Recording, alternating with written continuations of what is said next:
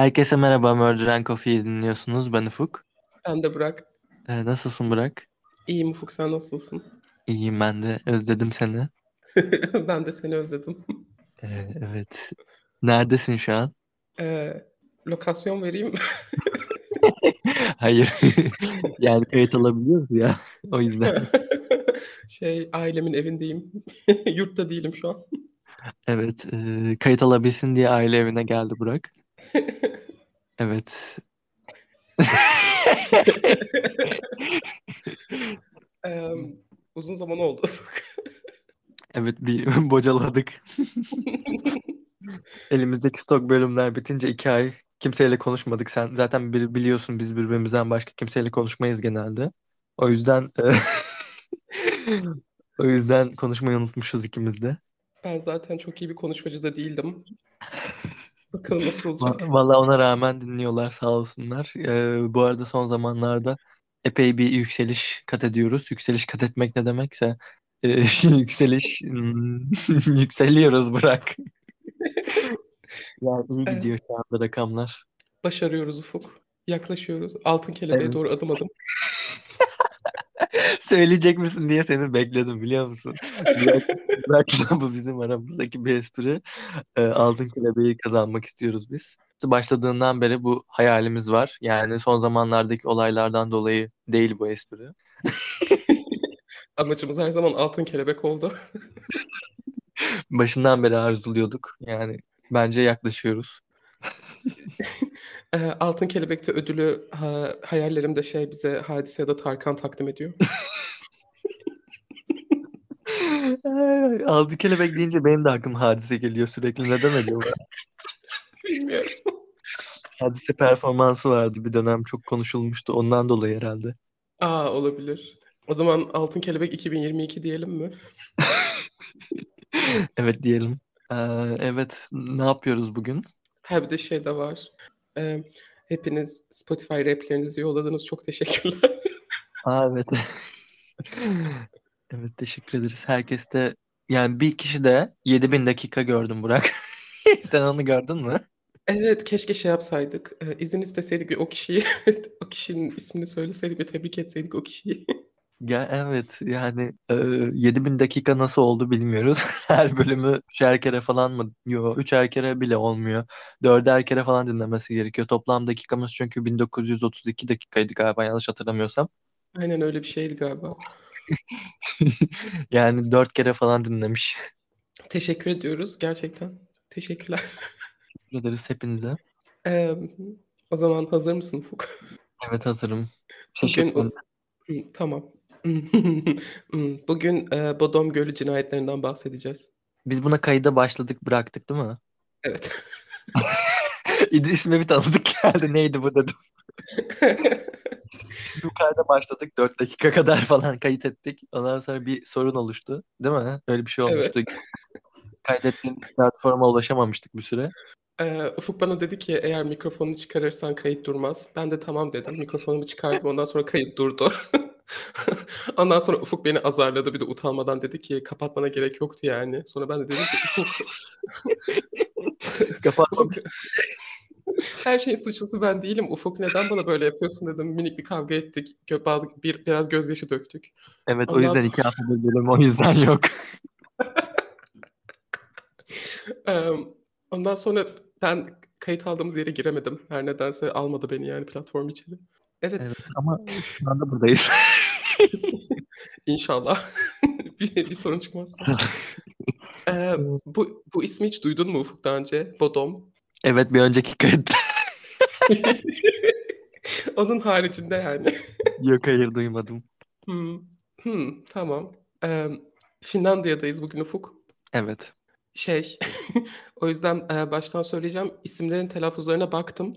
E, yani hani elimden geleni deneyeceğim de bazı isimler biraz zor. Düzeltmeleri açığım. Finlandiya'da en çok dinlenen True Crime Podcast'iyiz. Spotify söyledi. Evet. E, neyse. E, Espoo Finlandiya'dayız. Espoo Helsinki'ye yakın bayağı. Ülkenin güneyinde. Ülkenin de en büyük ikinci şehriymiş bu arada. Bu cinayetler Ufuk e, 4 Haziran 1960'ta gerçekleşiyor. Bu bir de şey Finlandiya'nın en ünlü cinayeti. Cinayetler davası yani. O yüzden biliniyor, bayağı tanınan bir olay. Tüm true crime aleminde de dünya boyu, dünyanın her yerinde. Konuşamadım ama öyle. Dünya boyunca diyordun az daha. dünya boyunca. bayağı bilinen bir olay ama hakkında bilgi bulmak zor bir olay. O yüzden biraz heyecanlıyım. Evet, sabırsızlıkla bekliyorum. Bodom Gölü Espoo'nun biraz dışarısında çok ünlü bir göl. Etrafındaki şey ormanlar da bayağı ünlü. İnsanlar özellikle kampçılar çok fazla kullanıyormuş buraları. Haziran'ında da 1960'ın dört genç arkadaş diyor ki biz kampa gidelim. Bu e, gençlerden ikisi 15, ikisi 18 yaşında. 15 yaşında olanlar Anya Tuliki Maki e, ve Mayla İrmeli Björklund. Bir de 18 yaşındakiler de Seppo Antero Boisman ve e, Nils Wilhelm Gustafsson. İsimler bunlar Ufuk. Sadece bu dördü var. Ama şimdi ben ne yapacağımı bilmiyorum. şimdi bak um, Anya var 15 yaşında. Anya'nın sevgilisi Seppo. O da 18 yaşında. Bir de e, Mayla var. O da 15 yaşında ve Mayla'nın sevgilisi Nils. O da 18 yaşında. Bu dört, dört genç. İki çiftler böyle yani. Tamam deneyeceğim. Elimden geldiğince evet. Bu dört genç 4 Haziran 1960'ta Seppo ve Nils'in motorlarıyla birlikte birkaç eşya topluyorlar yanlarına ve kamp alanına geliyorlar. Bodom Kölü'nde Kölü'nde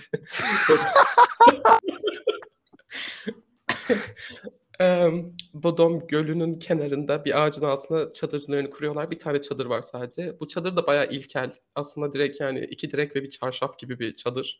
5 Haziran bir şey geldiklerinde hani ne yaptıklarından çok fazla bilgi yok elimizde. Aynı zamanda bu gençlerin hayatları hakkında falan hiçbir şey bilmiyoruz aşağı yukarı. Gerçekten hiçbir şey bilmiyoruz. İsimlerini biliyoruz sadece. O yüzden şey bölüm biraz kısa olabilir. Çünkü direkt cinayetlere gireceğiz. Çünkü Hı-hı. hiçbir şey bilmiyoruz hakkında bu insanların. Sebebi var mı? Geçmişte diye mi acaba? Açıkçası hiçbir sebebi yok. Yani evet. aslında 1900'lü yılların başına dair çok dava yaptın ve epey bilgi vardı. Yani yıldan dolayı değil herhalde. Evet, biraz e, Finlandiya ile ilgili bir olay sanırım ama şey de görmedim hani bazı ülkelerde mesela e, mahremiyet kanunları falan oluyor ya öyle bir şeyin bilgisine de rastlamadım. Sadece çok fazla şey bilmiyoruz gençler hakkında. Hatta hiçbir şey bilmiyorum. Yani anne babaların isimleri falan bile bulamadım mesela. O kadar. Aa. evet. 4 Haziran günü böyle kamp alanına varıyorlar, çadırlarını kuruyorlar. Ne yaptıklarını dair hiçbir şey bilmiyoruz.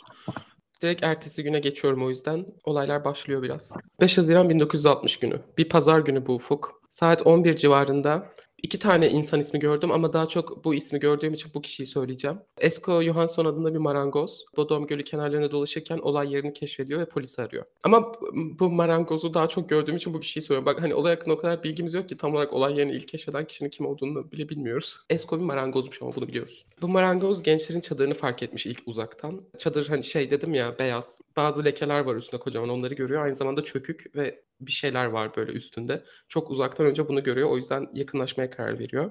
Ee, yakınlaşınca da iyice her şeyi görüyor. Polis arıyor dedim ya. Polis saat 12 gibi olay yerine varıyor. Çünkü şey Bodom Gölü'nün kenarındalar ama gölün seçtikleri kısmı çok e, insanları tercih etmediği kısımmış. İnsanlar genelde gölün güney kıyısında kamp falan yapıyormuş. Onlar kuzey kısmındalar ve orman hani ormandan bayağı dolaşmaları gerekiyor. O yüzden polisin varması bir saat sürüyor. Polis geliyor, etrafa bakıyorlar. E, olay yerinden bahsetmeden önce ama e, fark ediyorlar ki ilk başta Nils hayatta. Ama e, diğer üç genç hayatını kaybetmiş. E, o hemen hastaneye yollanıyor ve polis incelemesine başlıyor. Olay yeri biraz karmaşık. Şöyle, öncelikle çadır parçalanmış. Hani hem çarşaf diyeceğim ona çünkü tam olarak çarşaf aslında. Hani böyle çadır materyali de değil. Hani plastik muşamba falan değil. Direkt beyaz bir çarşaf aslında. E, yırtılmış ve kan, tamamen kan lekeleriyle dolu her yer. Ve çökük dediğim gibi çadır. Bariz böyle bıçak izleri var çadırda. Yani çadırın çarşafında ve her yer kan. Çadırın üstünde, üst üstünde bu hani çadır çökük dedim ya. Çadırın üstünde Nils ve Mayla var. Çadırın içinde de e, Anya ve Seppo var. Çadırın üstünde derken? Türkçem yetmiyor. Anlayamadım. um, bak şimdi çadırda bıçak izleri var. Nils ve Mayla çadırdan çıkmışlar e, çarşaftaki kesiklerden. Ama çadır çökük ya onlar çadırın üstündeler. içinde değiller. Ama e, şey Anya ve Seppo çadırın içindeler hala. Yani hani şey gibi düşün. iki kişi yorganın üstünde, iki kişi yorganın altında. içindeki Anladım yani. tamam aynen. Aynen. Tek bir saldırgan var gibi gözüküyor. Ve bu saldırgan en az iki cinayet silahı kullanmış. Bir bıçak bir de sert bir obje. Bunu neden düşünüyorlar göreceğiz. Bu sert objenin ya bir taş ya bir taş ya da bir sopa olduğuna inanıyor polis. Bu saldırgan 5 Haziran'da saat 4 e, ve 6 arasında olması gerekiyor. Gençler çadırda uyurken Ufuk dışarıdan çadırın dışından kör bir şekilde hani neye kime saldırdığını bilmeden çadıra saldırıyor. Çünkü şey yırtıklar e, dışarıdan, içeriden değil. Çadıra saldırıyor ve içeridekileri bıçaklamaya başlıyor. Aynı zamanda elindeki sopa ya da taşla da vuruyor. Ve hani şey bariz bir hedefi olmadan, görmeden etmeden direkt hani dışarıdan çadıra saldırıyor bu insan. Dört gençte de hem bıçak hem de bu sert cisimden kaynaklanan yaralanmalar var. Bu saldırgan kimseyi çadırdan çıkarmıyor Ufuk. Gençlerin hepsi uyurken birden çadıra dördüne birden aynı anda saldırıyor. Hani kime neye saldırdığını bilmeden yapıyor bunu. Ve birden bir anda saldırıya geçiyor. Çünkü etrafta şey izi falan da yok. Hani mesela gençler çadırda uyuyor ya. Biri gelmiş hani kamp alanında oturmuş mesela ne bileyim ya da hani beklemiş bir şey yok. Birden hiçlikten bu insan gelmiş ve birden çadıra saldırmış dışarıdan. Bir anda oluyor her şey. Kaos gerçekten. Bu çok enteresan çünkü yani e, tek bir saldırgan olduğundan eminler. Çünkü etraftaki şey e, hani ayak izleri falan bunu gösteriyor. Birden fazla insan yok. E, ve hani dört kişiye karşı ve kim olduğunu bilmediğini düşündüğümüz dört kişiye karşı. Ben e, şöyle olmuş olabilir mi? Üç kişi uyuyorken birisi dışarıda Nils mesela o az yaralanmış ölmemiş. Nils üçüne saldırdı. Saldırırken de diğer üçü karşılık verdi. Nils ölmedi falan. Direkt ondan mı şüphelendin? Ben ondan şüpheleneceğim tabii kimden şüpheleneceğim. hmm. Hmm. Çok enteresan bir teori Ufuk. Niye? E, bence direkt herkesin aklına bu gelmez mi? bir tek benim mi gelmedi? Gelmedi mi cidden aklına? Hayır. Bu olayı ilk araştırdığım, hani ilk öğrendiğim zaman hayır. Eee, görürsün, bilemiyorum. Nilse Mayla çadırın üstünde ya, dışında üstünde. Eee, bunun sebebi hani saldırgan saldırırken bıçakta eee, bıçaklardan açılan çarş şey çarşafla bıçaktan açılan yarıklardan ikisi dışarıya çıkmaya çalışıyor ve o sırada, eee, artık, eee, Anya ve Seppo içeride, hani, bilincini kaybetmiş noktadayken saldırgan ikisine saldırıyor. O yüzden onlar, hani, tam çıkarken, kaçmak üzereyken gibi çadırın üstünde kalıyorlar. Nils nerede bulunmuş? Bana bunu söyle. Eee, o şey, direkt Mayla'nın yanında o da çadırın üstünde. İkisi yan yanalar. Üstte. Hımm. Aynen. Eee, şimdi Nils'ten bahsedeyim. Olay yeri böyle tekrar döneceğiz de Nils en son hastaneye yollanmıştı hatırlıyorsun. Hı hı. Eee, Nils, Ufuk 4 genç arasında en hafif yaralanan. Al işte. Ya, hafif ama yine şey, Nils'in yüzünde, eee, kemiklerinde kırıklar var, elmacık kemiklerinde. Beyin sarsıntısı geçirmiş. Aynı zamanda Ufuk alnından bıçaklanmış. Evet. Eee, ama her nasılsa bu bıçak darbesi, eee, bu bıçak, hani, çok derine inmemiş. Dolayısıyla, hani, kafatasını mesela çatlatmamış, geçmemiş. Ben de onu diyecektim. Tam bıçak kafatasına girer mi diye bir tereddüte düştüm. Aynen. Peki diğerleri nasıl, ııı, yaralanmış?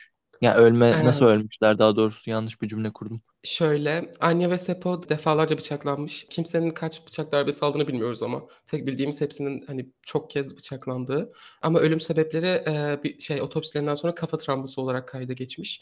Bu şey, hani, bir taş ya da bir sopa da var demişti ya polis. Kafalarına aldıkları bu darbeyle hayatlarını kaybediyorlar, bıçak darbeleriyle değil. Çünkü şey, hani, dışarıdan kör bir şekilde bıçaklıyor ya saldırgan. O yüzden, hani, bıçak darbeleri ölümcül olmayabilir çünkü neyi nereye bıçakladığını bilmiyor. Ama Hı en son kafalarına her nasılsa sert bir darbe indirebilmiş.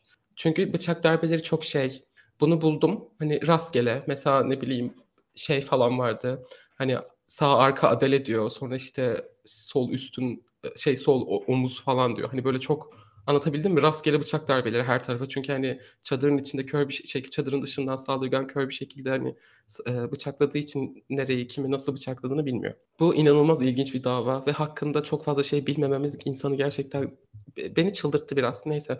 Bir de bazen karşına böyle mesela çok uzun makaleler falan buldum ama Finceydi. Çevirdim, çevirince de çok kötü çevirdi ve anlamadım yani. O yüzden Fince bilen birine ihtiyacım var. Şey gibi oldu bu, Barn cinayeti gibi oldu. Evet. Emm, Evet. Anya ve Seppo'nun hakkında bildiklerimiz bunlar. Eee, Mayla hakkında da bildiklerimiz şöyle Ufuk. Mayla, eee, 4 genç arasında en kötü yaralanan. Dediğim gibi Nils'le birlikte çadırın üstünde bulunmuştu. O da Nils'in hemen yanındaydı. Mayla ama belden aşağısı çıplak bir şekilde bulunuyor. Geri kalan kimsede böyle bir şey yok. Sadece Mayla'da böyle. Defalarca bıçaklanmış. Kaç kere onun da bıçaklandığını bilmiyoruz ama diğer herkesten daha fazla bıçaklandığını biliyoruz. Ölüm sebebi onun da kafa travması. Ama hem öldükten hem de ölmeden önce bıçaklanmış. Yani Mayla hayatını kaybettikten sonra bıçaklamaya devam etmiş saldırgan onu. E, çok garip evet. Aynen hani Mayla'ya karşı özel bir öfke var gibi değil mi? Evet. e, e, peki şey e, cinsel istismara dair bir şey var mıymış? I-ı. Hiçbir iz Hmm. bulamıyor polis buna dair. Enteresan değil mi? Evet. e, ilginç. Ee, bunu aklında tutman lazım. Sormana sevindim. Ee, bu konuyu tekrar aklında tut. İleride karşımıza çıkacak tekrar. Aynı Peki zamanda Nils şey, Mayla'nın sevgilisi mi? evet. Hmm, işler ilginçleşiyor. Ufuk kararını verdi. Evet. Ufuk'a kalsan Nils şu an tutuklandı. Tam olarak şu an. Ay Nils bir kere daha bu başımıza geldi. Ben direkt birisinden şüphelendim. Meğerse onunla alakası yokmuş falan. Böyle bir şey olmuştu. Ee, yaptığın şey doğru ama şüphelenmelisin yani. Yoksa bir yere nasıl varacağız değil mi? İnsanlardan şüphelenmeden. Bence haklısın. Evet ama belki masumdur. Şimdi hakkını yemeyeyim. Bir de istatistiksel olarak düşününce Nils'in katil olma olasılığı çok yüksek çünkü e, insanlar hep tanınan hani çok büyük çoğunluğu cinayetlerin hep tanınan insanlar tarafından işleniyor. Aynı zamanda bir de e, Mayla'nın sevgilisi bu yönü de var. Erkek Evet. arkadaş, partner, e, eş en çok öldüren insanlar bunlar yani. İstatistiksel olarak haklısın. Değil misin? Haklısın. Evet. Evet. Şey, eee, dediğim gibi Mayla'nın cinsel istismar uğruna dair bir iz bulamıyor polis ama şimdi şöyle de bir bilgi vereyim sana. Polis berbat bir iş çıkarıyor. Öyle böyle berbat değil yani. Sanki demişler ki hadi bir deney yapalım. Biz bu olay yerini ne kadar mahvedebiliriz? Hani iddiaya girmiş polisler kendi aralarında ve demişler ki mahvedelim burayı. Ben bunu düşünüyorum. Bence tam olarak düşündükleri şey buydu. Çünkü bak yaptıkları şeyler hani deneyimsizliğin de ötesinde. Çünkü Finlandiya hani vahşi suç çok az. Hani karşılarına her gün böyle şeyler çıkmıyor bu polis teşkilatlarının. Ama yani filmde mi izlemedin? Ne bileyim yani.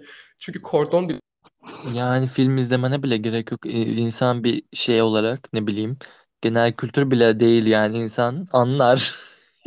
yani abi alanı kordona bile almıyorlar. Bu kadarını da yaparsın yani.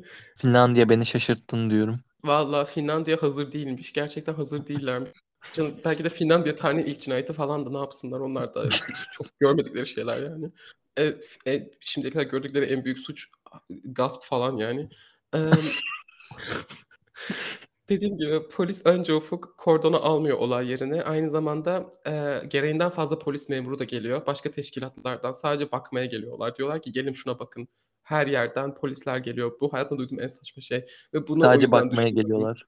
Evet çünkü bak bu, bu, bu, bu yüzden şunu düşünüyorum. Hani çok görmedikleri bir olay. Gerçekten inanamazsın demiş demişler. bence diğer polis memurlarına. Eğitmek amaçlı. Gerçekten. Hepsi gelip şaşırıyor. Aman Allah'ım bu da ne böyle falan. Sonra gidiyorlar geri. Eee, bununla da bitmiyor. Polis aynı zamanda hani herkesin gelmesine izin veriyor. Sivil insan insanlar falan tabii duyuyor herkes böyle bir şey olduğunu. Aa diyorlar gidip bakalım. Polis umurunda değil. Fotoğraflar var Ufuk. Polis mesela çadıra bakıyor. Yanında sivil bir hani bir insan var, vatandaş var yani o da bakıyor. Emm, her şeye dokunuyorlar. Hani kimsenin ellemediği bir şey yok. Gerçekten tüm Finlandiya bu olay yerine gelmiş. Eee, bununla da kalmıyor Ufuk. Polis eee, şey yapmıyor. Yeterli eee, kayıt almıyorlar. Kayıt Mesela diyor almak ki neyi? hani şey tutanak tutmak pardon. Yeterli tutanak tutmuyorlar. Ge- Diyorlar ki dört genç öldürüldü. Gerçekten böyle.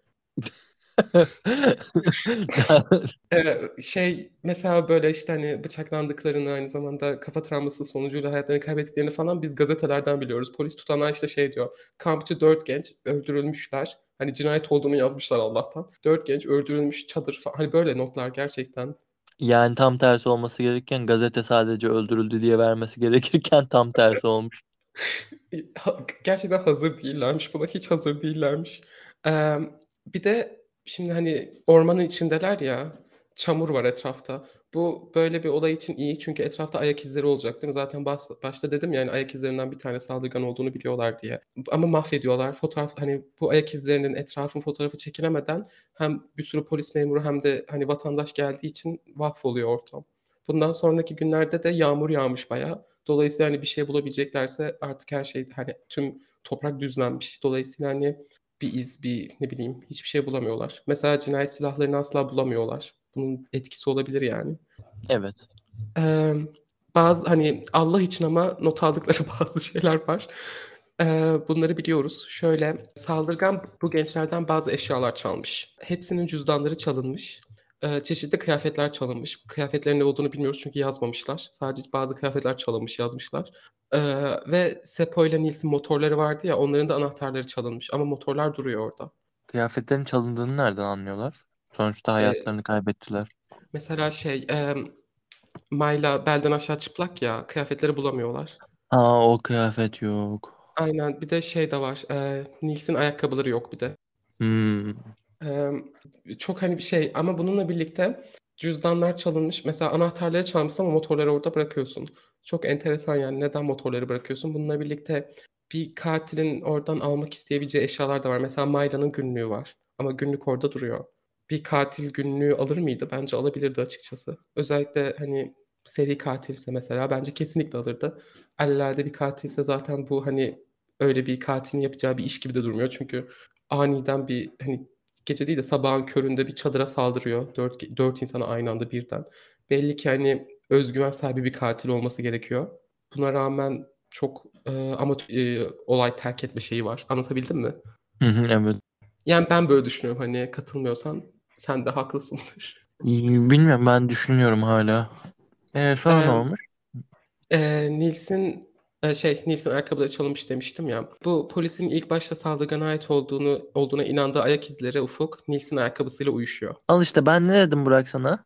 Haklısın ve bunu ne- nereden biliyorlar biliyor musun? Çünkü Nils'in ayakkabıları çalınmıştı ya.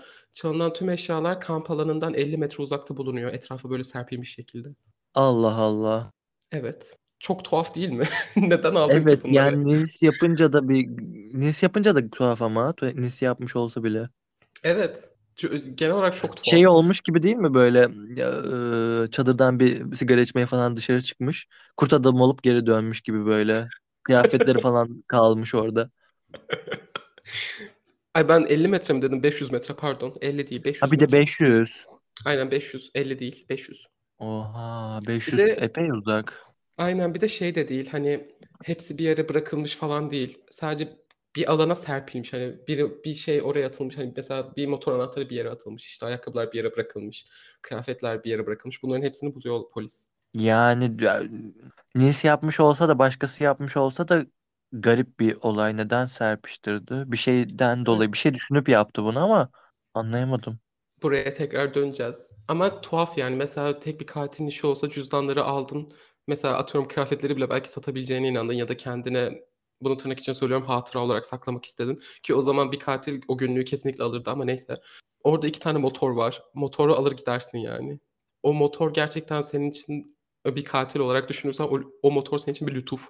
Polis seni bulana kadar sen o motorla uzaklaşırsın sonra motoru bir yere fırlatırsın yani. Hatta satabilebilirsin belki kim bilir yani. Ee?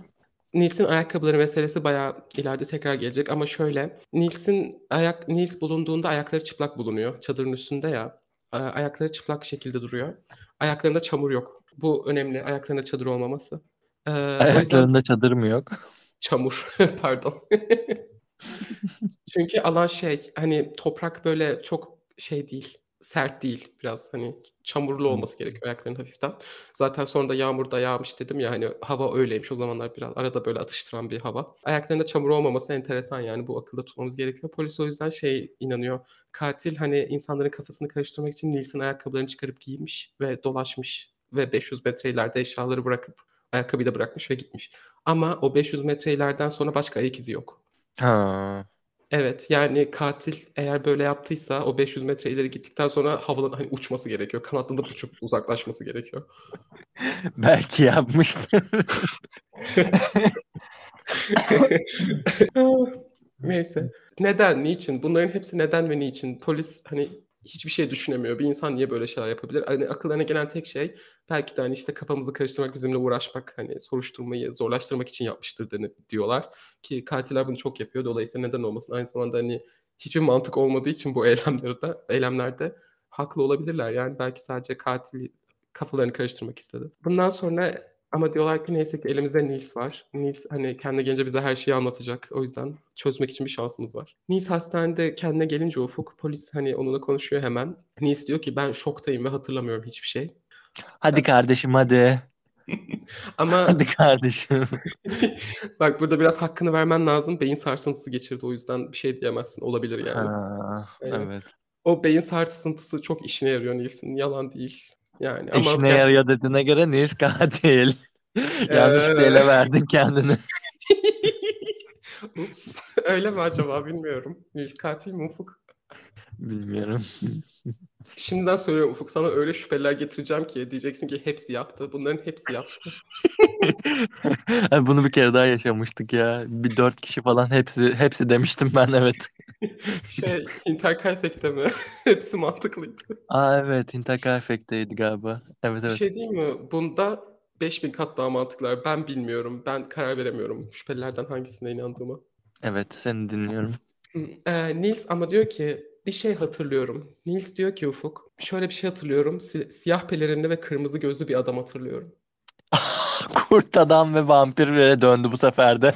Ee, Bodom Gölü cinayetlerinin katili Voldemort. Kırmızı gözlü değil be bu. Sen de. Sen de birazcık gerçekçi konuş. gerçekçi konuşalım vampir bu. Ee, bunu, bu sorunu sor- bu soruyu sorma vakti geldi Ufuk. Doğaüstü varlıklara inanır mısın? Sence kurt adam dedim vampir dedim. Ee, vampir olması çok mantıklı. Kamp alanında 500 metre uzakta hani bir daha ayak izi yok ya kanat alıp uçtu mu dedik. Belki gerçekten siyah pelerini ve kırmızı gözlü bir vampir yaptı bunu. Yani ben Ee, artık inanıyorum. Ee, polis bu sorgudan sonra doktorlara diyorlar ki kafa şey beyin sarsıntısı değil mi? Onlar da evet diyor. Sonra biz konuşuruz o zaman tekrar e, Nils'le diyorlar ve gidiyorlar. Nils'in ilk sorgusu bu şekilde. Hiçbir şey hatırlamıyorum sadece. Siyah pelerinde biri vardı diyor. Ee, polis Ufuk 5 Haziran günü bölgede bulunan insanlarla konuşmaya başlıyor. Bir izci Meğer onlar da görmüş siyah pelerinde biri. Polise diyorlar ki "E, bu ormanlarda bir vampir yaşıyor.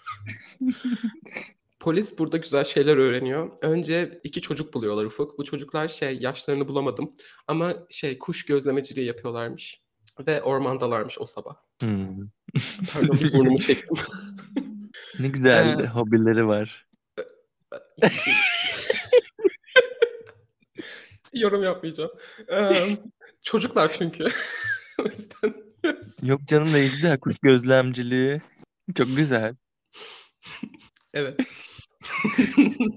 Eee, bu çocuklar Ufuk eee, 5 Haziran günü saat 6 civarında eee, göl şey kamp alanının yakınlarında kuş gözlemciliği yapıyorlar ve söylediklerine göre çadırı buluyorlar. O çadırı görüyorlar. Gençlerin çadırını. Çadır çökük ve kanlı ve çadırdan uzaklaşan sarışın bir adam görüyorlar. Sarışın, kırmızı gözlü ve pelerinli. Şimdiye kadar elimizde olanlar bunlar. Eee, hayır, kırmızı gözlü pelerini değil. Eee, Bodom ormanları vampiri listemizden elendi. O değil.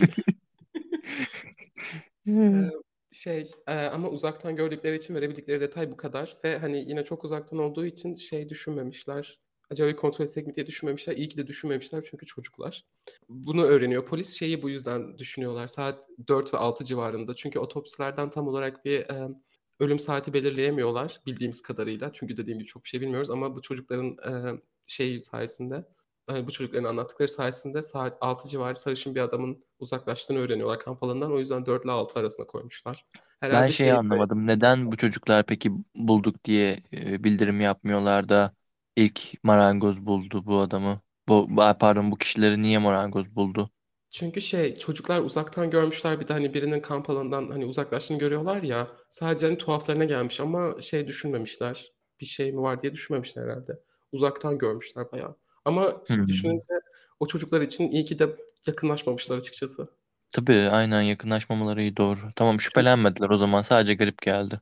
Aynen hani belki şeydir de çocuklar ya belki hani korkmuşlardır bir şey demek istememişlerdir olabilir yani. Hı. Evet de evet onların- doğru diyorsun. Hem yani mesela en iyi senaryo mesela yakınlaşsalar sadece hani çok ciddi travmatize olacaklardı. En kötü senaryo belki onları da öldürecekti bu sarışın adam. Dolayısıyla açıkçası iyi ki yaklaşmamışlar. Hı hı. Eee, bun bu yüzden polis bir de herhâlde şeyle de birlikte otopsiden, hani, aşağı yukarı bir zaman aralığı öğrenmişlerdir diye düşünüyorum ben. Bu yüzden, hani, sabah 4 ile 6 arasında koyuyorlar cinayet saatini. İsmi verilmeyen bir adam daha var Ufuk. Bu adamın kim olduğunu bilmiyoruz. Aynı saatlerde gölde balık tutuyormuş ve o da sarışın bir adam görmüş. O yüzden çocukların anlattığı şeye polis inanıyor bu yüzden. O da sarışın bir adam gördüğü için. Hı hı. Eee, bu balıkçı ama aynı zamanda adamı biraz daha yakından görmüş ve dediğine göre, emm, ne demiş? Bir dakika. Dediğine göre stresliymiş. Stresli gözüküyormuş. E, tabii. Stresli olmaz olur mu? Evet. Bir şey soracağım. Nils sarışın ve şey mi? Sarışın ve uzun saçlı mıydı? Neydi? Eee, şey, uzun saçlı dedim mi? Aynen. Uzunca saçlı, arkaya doğru itilmiş uzunca saçları var ama şey değil, hani, Peki böyle Nils'in böyle saçları var mı? Eee, hayır. A! Dırı dırı dı dı dırın. Beni üzdü. Eee, saç da şey bu arada ama bir şey diyeyim mi? S eee, koyu renk kıyafetler giyiyormuş bu adam. E? Belki pelerindir. Eee, şey, saçları için şey demişler, eee, uzunca ama, hani, şey değil, böyle, hani, omzuna değecek kadar falan değil de bir erkeğe göre yine hafiften uzunca. Bir de 1960 olduğu için o yüzden, hani, bir erkeğe göre uzunca falan demişler. Çünkü uzun saçlı erkek ne demek? He eee, ve şey, hani, arkaya doğru taranmış gibi. Hımm, anladım tipi. Bununla birlikte ama şey diyor ki bu balıkçı, yani, sarışından ziyade böyle koyu kahve falan da olabilir. Işıktan tam olarak anlayamadım ama, hani, böyle koyu kahve değil. Açık kahve pardon. Hani Peki n Pardon. Ha, söyle, söyle. Eee, peki Nils'in saçı koyu kahve mi? Nils'in saçı açık kahverengi. Hımm, uzun mu peki? Yani Evet. tarif et tarif ettiği saça uyuyor. Evet. Nils yaptı. Nils listemize geri döndü. Evet. Eee, saç rengi için, hani, şey diyor, çocuklar uzaktan olduğu için mesela, hani, sarışın demişler direkt ama bu balıkçı şey gibi, hani, mesela ışıktan sarı gibi olabilir de bana biraz daha, hani, açık kahve kumralımsı falan gibi geldi diyor. Bir de bu balıkçı biraz daha yakından görebildiği için polis şey diyor, haklı olabilirsin. Bir de aynı zamanda o bir yetişkin, diğer ikisi çocuk ya. Ama, hani, şey diyorlar, saçları, hani, için böyle ya açık kahve ya da kumrala sarışına kaçan bir şey olduğundan emin gibiler. Hı hı. Eee, ama Finlandiya olduğu için orası bu onları bu onlar için pek bir şey ifade etmemiştir diye düşünüyorum. Evet. Mesela mesela Türkiye'de olsa adam sarışınsa, eee, çok işine yarardı polisin ama Finlandiya'da pek. Neyse. Bundan başka baş hani, ellerinde görgü tanığı hiçbir şey yok. Açıkçası 3 görgü tanığı yine çok iyi bence o saate göre ve öyle bir alana göre. Çünkü, hani, bu şey dedim ya, Bodom Gölü'nün güneyinde insanlar genelde, hani, bir şeyler yaparmış. Kuzeyliler, bunlar gölün kuzey kısmındalar. Yine açıkçası iyi yani 3 insan. Polis hemen çıkmaza giriyor. Bundan başka çünkü konuşacak insan bulamıyorlar bu 3 kişiden başka. Aynı zamanda olay yerini de mahvettiler ya, ellerinde hiçbir şey yok. Bu yüzden Ufuk, polis diyor ki, "Eğer" diyor, "sizler" bunu şey radyodan böyle anons yapıyor polis. Diyor ki, "Eğer" diyor, "sizler Bodom Gölü yakınlarındaysanız, burada yaşıyorsanız sizi teşvik ediyoruz, alanı araştırın, bir şeyler bulmaya çalışın." Gönüllüler falan böyle çıkıyor işte ya da, hani, böyle hem gönüllüler hem yerel halk hem de böyle, işte, true crime hayranları diyeyim. Çıkıyorlar böyle kendi, hani, kendileri bir şeyler bulmaya çalışıyor ormanda falan. Bu, eee, kötü bir şey. Çünkü artık ne bileyim %10 bile bir şey bulma ihtimalin varsa etrafta, ormanda falan onu da kaybettin şu an ve bu, Evet, var eee olanlar da speküle edilecek yani.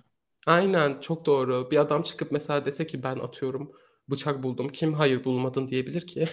Ya da belki kendi kendi koydu, kendim buldum diyecek bu sefer yani ne her şey olabilir. Evet, halktan asla ama asla bu çeşit yardım isteklerinde bulunmaman lazım. Çünkü çok tuhaf insanlar var etrafta. Hani mesela Evet. Yani hem dediğin gibi mesela bir adam gidecek abi, kanlı bıçak koyacak oraya ve diyecek ki buldum. Sonra sen vakit ve eee, hani, zaman şey hem vakit hem enerji kaybedeceksin yani. İnsanlar böyle şeyler çok yapıyor, çok aptalca. Ben Finlandiya polisinin gerçekten tecrübesizliğine vermek istiyorum. Aynı zamanda iyi kalpliliklerine. Evet. Bu zaten bunu hemen, eee, 5 haziran akşamı falan yapıyorlar bu anonsu. Bundan sonra insanlar çıkıp bakmaya başlıyor. Sonra da yağmurlar başlıyor. Çok ciddi yağmur yağmış bu arada.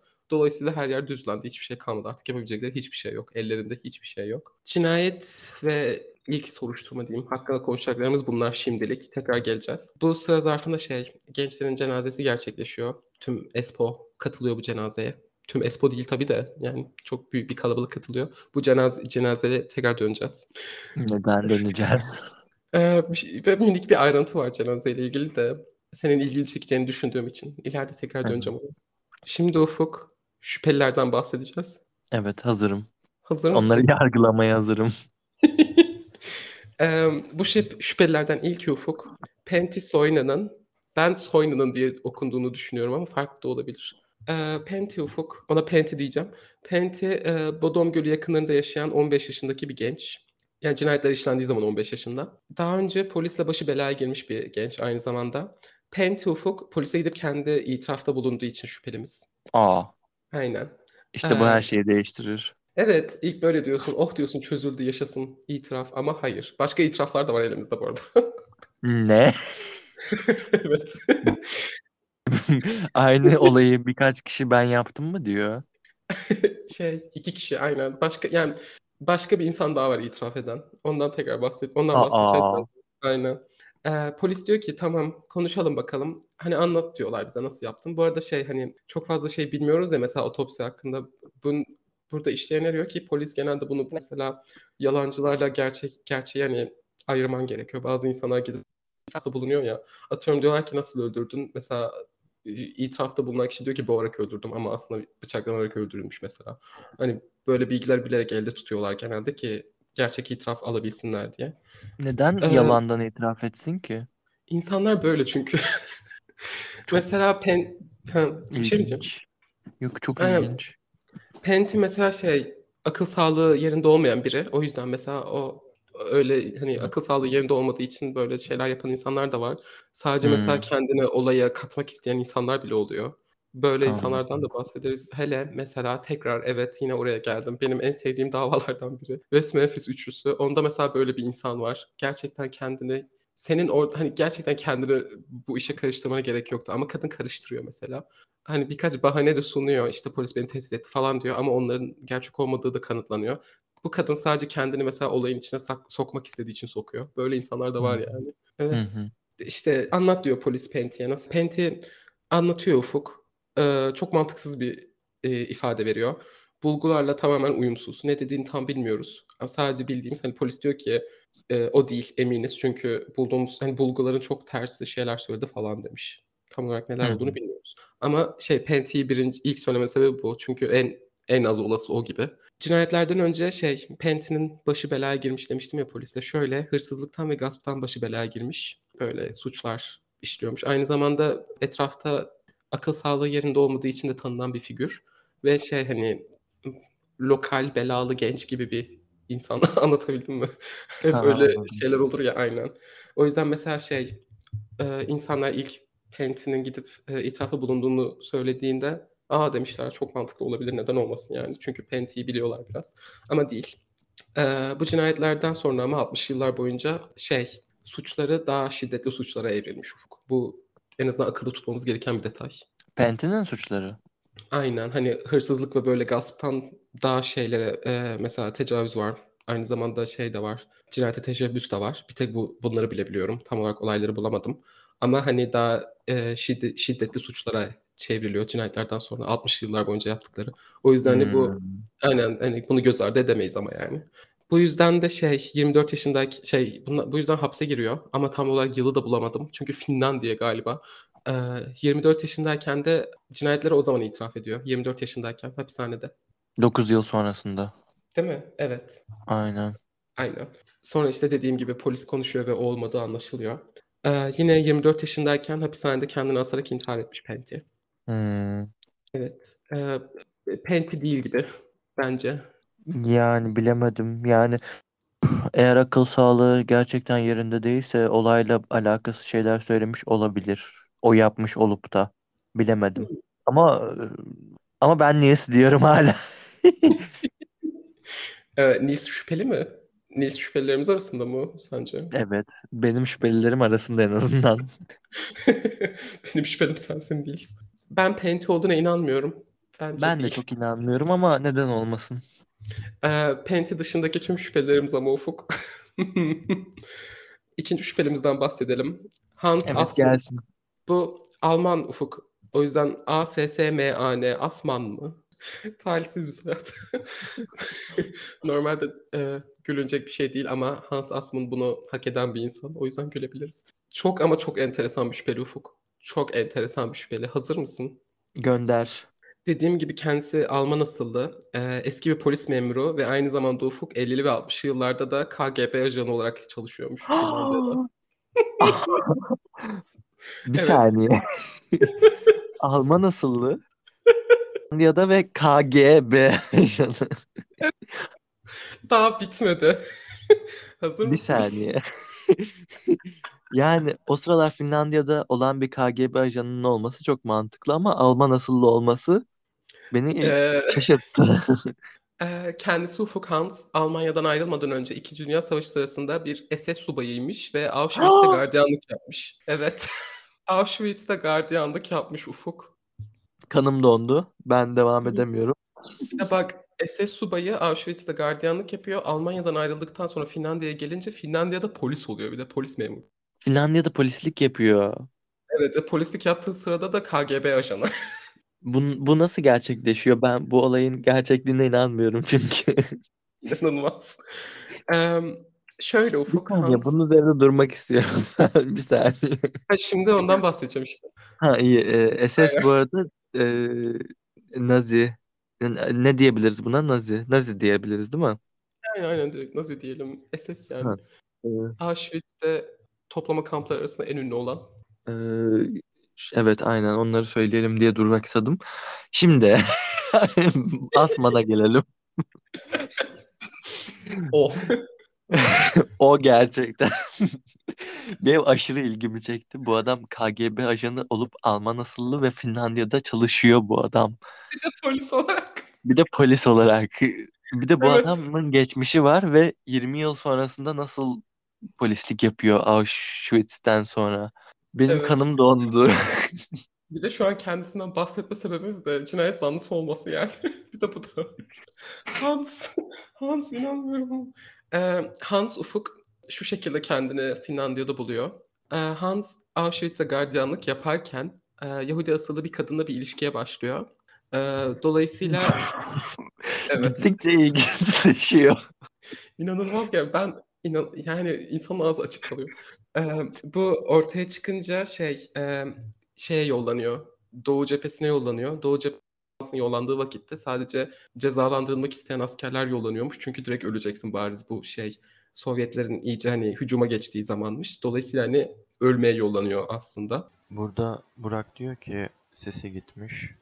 Hans Almanya'dan kaçıyor. Sovyetlere geliyor. Sovyetlerde de KGB ajanı olmak zorunda kalıyor yoksa idam edilecekmiş diyor. Sesi gitmiş. Ama peki ne diyorsun? Ee, Nazi subayıyken neyse o Naziyken Naziyken mi Yahudi birisine aşık oluyor? Aynen. Auschwitz'te gardiyanlık yapıyor ya. Auschwitz'e kapatılmış Yahudi mahkumlardan biriyle ilişkiye başlıyor. Evet bunun fi- ben Hans'ın filmini istiyorum.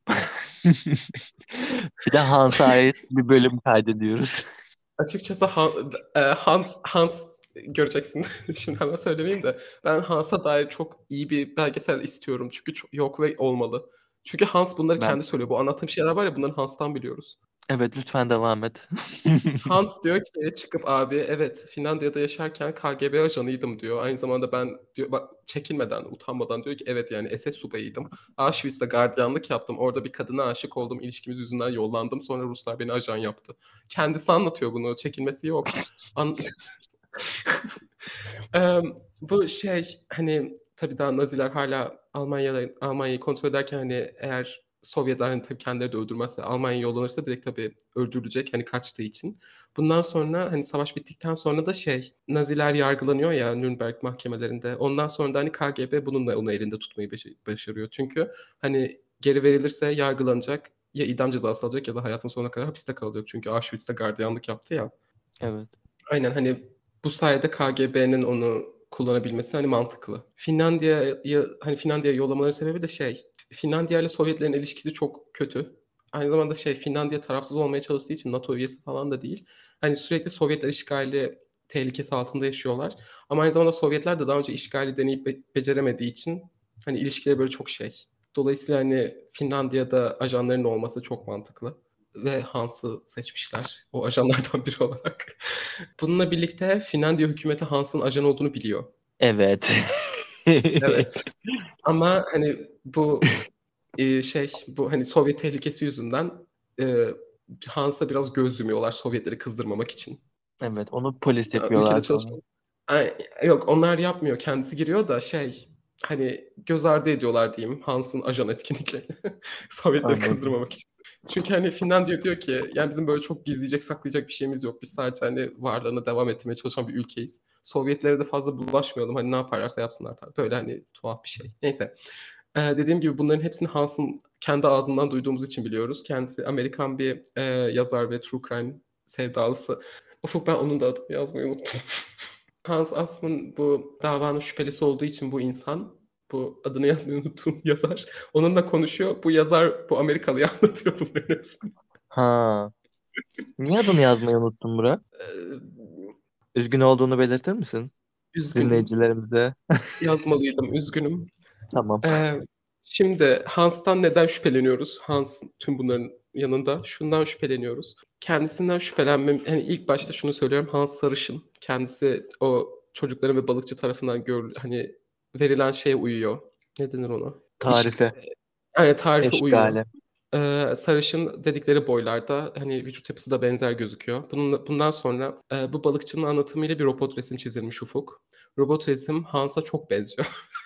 Hmm. Bayağı benziyor. Aynı zamanda 6 Haziran'da yani cinayetlerden sonraki gün Hans Ufuk Helsinki'de bir hastanenin aciline gelmiş. Ellerinde kesikler varmış, ellerinde ve kollarında. Çok agresif ve stresliymiş. Aynı zamanda bilincini yitirmiş taklidi yapıp durmuş. Polisler, şey, doktorlar bunu söylüyor. Taklidi yapmış. evet. O hani doktorlar diyor ki bilincini gerçekten kaybetmiyordu. Sadece taklit yapıyordu yani. Bir de şey Hmm. enteresan. Hani elleri ve kollarında kesikler olması. Çünkü bıçakla birine Evet. saldırdıysa değil mi? Bununla birlikte neden bu kadar streslisin? Ama bununla bir de ajan yani o da lazım da.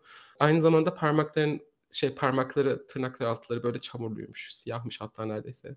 Çamur var ellerinde. Wow. Ee? Yani ama Hans'ın motivasyonu ne olabilir ki? Neden yapsın böyle bir şey? Ee, bitmedi. Kıyafetleri de kan içinde. Hmm. Kendi kanı değil. Aynı zamanda yine bitmedi. Ee, kıyafetler şeyle uyuşuyor. Üstündeki kıyafetler hani çocuklarda balıkçı da böyle siyah falan demişti ya. Hans da siyah giyinmiş. Uyuşuyor gibiler ilk bakışta. Hans'ın saçı şey açık kahve pardon sarı dediysem. Hani balıkçı açık kahve gibi falan da demişti ya. Hans'ın saçı açık kahve. Ha ha. Sarı değil aynen pardon. Ve robot resmin yayınlandıktan sonra gazetelerde Ufuk Hans saçını kesmiş. Hans dikkat çekmeye devam ediyor. Hans gerçekten e, kötü bir ajan söylüyorum. Eğer dikkat çek dikkat çekmemen gerekiyorsa Hans tam tersini yapıyorsun. Acile gidip yani olay çıkarmak bir ajanın yapacağı şey değil açıkçası. Neyse. Am- Amatör bir ajan. Aynı zamanda Hans Ufuk Bodom Gölü'ne 5 kilometre mesafede yaşıyormuş. Tüm bunlardan Hmm. sonra polis diyor ki o değildir ya. Niye o olsun? Kesinlikle o değildir. Ve kıyafetlerini test etmeyi reddediyorlar. O kanları. Kanlı kıyafetleri. Niye test etmiyorsunuz kan varken hazır dur. Aa. Çünkü polis Sovyetleri kızdırmak istemiyor. Ha, evet mantıklı. Hans hakkında bir bilgim daha var Ufuk. Hazır mısın? Pek değilim. Ee, kendisi bir seri katil olabilir. Neden? Bu Amerikalı dedektif var ya dediğim. Buraya yazmışım Aha. pardon. Bu dedektifin adı Ufuk Medi Polerno. Tamam. Şimdi de sen benden özür dile. Ee, çok üzgünüm Burak yazmışsın. Ama niye yerinde söylemedin? Ben de unutmuşum ismini yazdım pardon. Medi Polerno bu e, yazarın adı. Toplam 10 cinayetten sorumlu olduğuna inanıyor. Nazi zamanında mı? Hayır Finlandiya'da. 50 ile 70'ler arasında. Aa. Bu şey 10 tane olabilir diyor ve 5'inden emin olduğunu söylüyor. Bu 5'liden 4'ü zaten şey 3'ü zaten şey Bodom Gölü cinayetleri. Şöyle Ufuk ve Medi emin. Hans'ın bir gerçekten bir seri katil olduğundan bir şeyle birlikte emin olduğu bir cinayet daha var Hans'ın sorumlu olduğundan. Bu da e, Kileki Sari cinayeti. Kileki 17 yaşında 1953'te öldürülüyor. Bu Fina- Finlandiya'nın en ünlü çözülmemiş davalarından biri daha. Bodom Gölü cinayetleriyle birlikte. Bu cinayete çok girmeyeceğim çünkü ben bundan bölüm yapacağım. Eminim yapacağım. İnanılmaz Hı hı. enteresan ve Hans, Hans Hans'tan tekrar söz edeceğiz yani. Şöyle e, onu o, yani dediğim gibi cinayetten çok bahsetmeyeceğim de onu bu cinayete bağlayan birkaç şey var. Şöyle e, Opel marka bir araba var bu cinayette sürekli konuşulan insanların gördüğü ve katilin kullandığına inandıkları. Hans'ın eşi polise aynı vakitlerde diyor ki şey, Hans'ın eşi polise diyor ki Hans'ın Opel marka arabası vardı cinayet zamanı. Hmm. Ee, Aynı zamanda ona diyor ki cinayetin işlendiği gün bahsedilen yerde olduğunu biliyorum Hans'ın. Arabasıyla birlikte oradaydı Hans. Ben bunu biliyorum diyor. Eşi Aa. söylüyor bunu polise. Bak yine bir KGB ajanına göre ve bir KGB ajanın eşine göre gerçekten çok kötü iş yapıyorlar. Hani söylediği için memnunum tabii ki polise yanlış anlama da biraz şey de görüyorsun. Görüyorsun ki buna değinmemin sebebi hani Finlandiya hükümetinin Hans'ı koruduğuna inanıyoruz ya polisin de mesela. Hı hı. Hani bu bana şey gibi geliyor. Onlar da bildiği için mesela biraz meh davranıyorlar gibi geliyor. Çünkü biliyorlar ki Hmm. Finlandiya aynen hani Hans'ı görmezden gelmeye devam edecek sürekli. Ve mantıklı yani olabilir açıkçası neden olmasın. Bir başka detay daha var Ufuk. Hans'ı Kiliki cinayetinde şüpheli haline getiren. Ha, şöyle ki Kiliki Ufuk belden aşağısı çıplak bulunmuş ve cinsel istismara dair bir iz bulunamamış. Evet. Yine aynı. Bu aynen yine şey gibi Mayla ile aynı. Bununla birlikte e, Ufuk itiraf ediyor. Ne diyor? Medi, Medi Polarno'ya söylüyor yine. Diyor ki benim e, tam olarak şu an anlatmayacağım bir işim vardı bölgede. Çünkü ajan ya. Hani Sovyetlerden bir teslimat bekliyormuş öyle söylüyor. Tam olarak ne olduğunu söyleyemem ama diyor. Orada bir işim vardı ve e, Kiliki bisikletiyle ve olayı görüyor. Bu yüzden Kiliki'yi öldürüyor. Polisin kafasını karıştırmak için işte belden aşağısı çıplak falan bırakıyor. Cinsel istismar gerçekten yok. Ama kafalarını karıştırmak için böyle yaptığını söylüyor. E o zaman bu çadırdaki dört kişi de olmaması gereken bir yerdeler falan mıydı? Ya da bir şey mi gördüler o zaman bu dört kişi? Değil mi? Görmemesi gereken bir şey gördüler demek ki. Yani inanılmaz mantıklı. Aynı zamanda hani çok tercih edilmeyen bir noktada kamp yapıyorlar ya gölün kuzeyinde, güneyinde değil. Dolayısıyla orada insanlar genelde bir şey yapmıyor. Ve gece hani sabahın körü orada mesela bir Sovyet ajanı neden olmasın? Bir işi vardı belki Aynen. neden olmasın? Ve bu Aynen. gençler tanık olmuş olamaz mı? Aynen. Enteresan değil mi? Belki başka birini infaz etti bu çocuklar gördü. Aynen hani Hans bu cinayeti kabul etmiyor, bir şey söylemiyor bunun hakkında ama Kiliki hakkında söyledikleriyle hani bir araya getirince Emedi nasıl emin olmuş onun yaptığına madem itiraf etmedi. Medi'nin söylediğine göre Hans bunların hepsini kendi anlatıyor. Bu şeyleri ben hani SS subayıydım şöyle böyle Sovyetler işte beni ajan olarak aldı falan. Bunlar kanıtlanıyor. Bunların doğru olduğunu biliyoruz. Ama bu Kiliki cinayetini itirafı kanıtlanamıyor ve Medi'ye baş başayken söylüyor. O yüzden hani resmi değil. Ama Anladım. aynen geri kalan her şey evet diyor. Otoriteler bunlar doğruydu. Ve hani ben Medi'ye inanıyorum. Evet. Ben Hans Hans diyorum şu anda. Ee, şey Hans'la ilgili bir şey de var. Hani Hans 6 Haziran'da Helsinki'de bir hastanenin aciline gidiyordu ya. Ha evet. Orada bir doktor var Ufuk. Ona bakan bu acilde. Bu adamın adı Karl Wardermar Gillström. Ya da Gillström. Ee, kendisi Hans'ın cinayetleriyle ilgili 3 tane kitap yazmış. Neden? Hans'la o acilde tanışıyor. Hans'ın e, Bodom Gölü cinayetlerinin katili olduğundan emin kendisi. Aynı zamanda o da Medi'nin araştırmasına kendisi de araştırıyor bu doktor. Ve diyor ki e, evet kendisi bir seri katil. Ve işte bu konu hakkında yazdığım 3 kitap burada. Wow. evet. Wow gerçekten. Hans. Helal olsun gerçekten. İnanılmaz. Hans gerçekten 50 ve 70'li yıllar arasında Finlandiya'da terör estirmiş. Yani gerçekten seri katil değilse bile en azından ö- bariz bir şekilde bir şeyler yapmış yani. Hans. Finlandiya. No, bu ne? Şey Hans'a dair ileride en sonunda vereceğim bir bilgi daha var. Ama Hans'a dair şu an vereceklerim bunlar. İkinci şüphelimiz Hans Asman. Kendisi hakkında ne düşünüyorsun? Kendisi hakkında çok şaşkınım. Benim kanım dondu duyduklarım hakkında. Yani O olabilir mi sence? bence çok yüksek ihtimal o. Yani üçüncü Bence- şüphelimiz var mı? Var. Aa. Tamam Ee, üçüncü ab- şüphelimizi de dinleyeyim ondan sonra. Aa, bir de Nils'i de dinleyeceğim ama. Yani dördüncü bir şüphemiz var ama onun Nils olduğundan niye bu kadar eminsin? Bil, anlamadım Ben- yani. Ben eminim Nils olduğuna. İddiaya giriyor musun? Dördüncümüz Nils mi diye. Hadi hadi anlat. Sus. Ee, şey, bence de Hans açıkçası. Hans, Hans bu cinayetleri Hans işlemediyse bile Hans'ın işlediği en az bir cinayet var. O da Kileki Sarı cinayeti. Ben en azından onu onun işlediğinden eminim. Aynı zamanda kendisi bir seri katil olabilir mi? Bence kesinlikle olabilir. Neyse. Hans her şey olabilir. Yani ben eee, Hans umarım ölmüşsündür ve peşimize düşmezsin. ay evet ya. Öldü.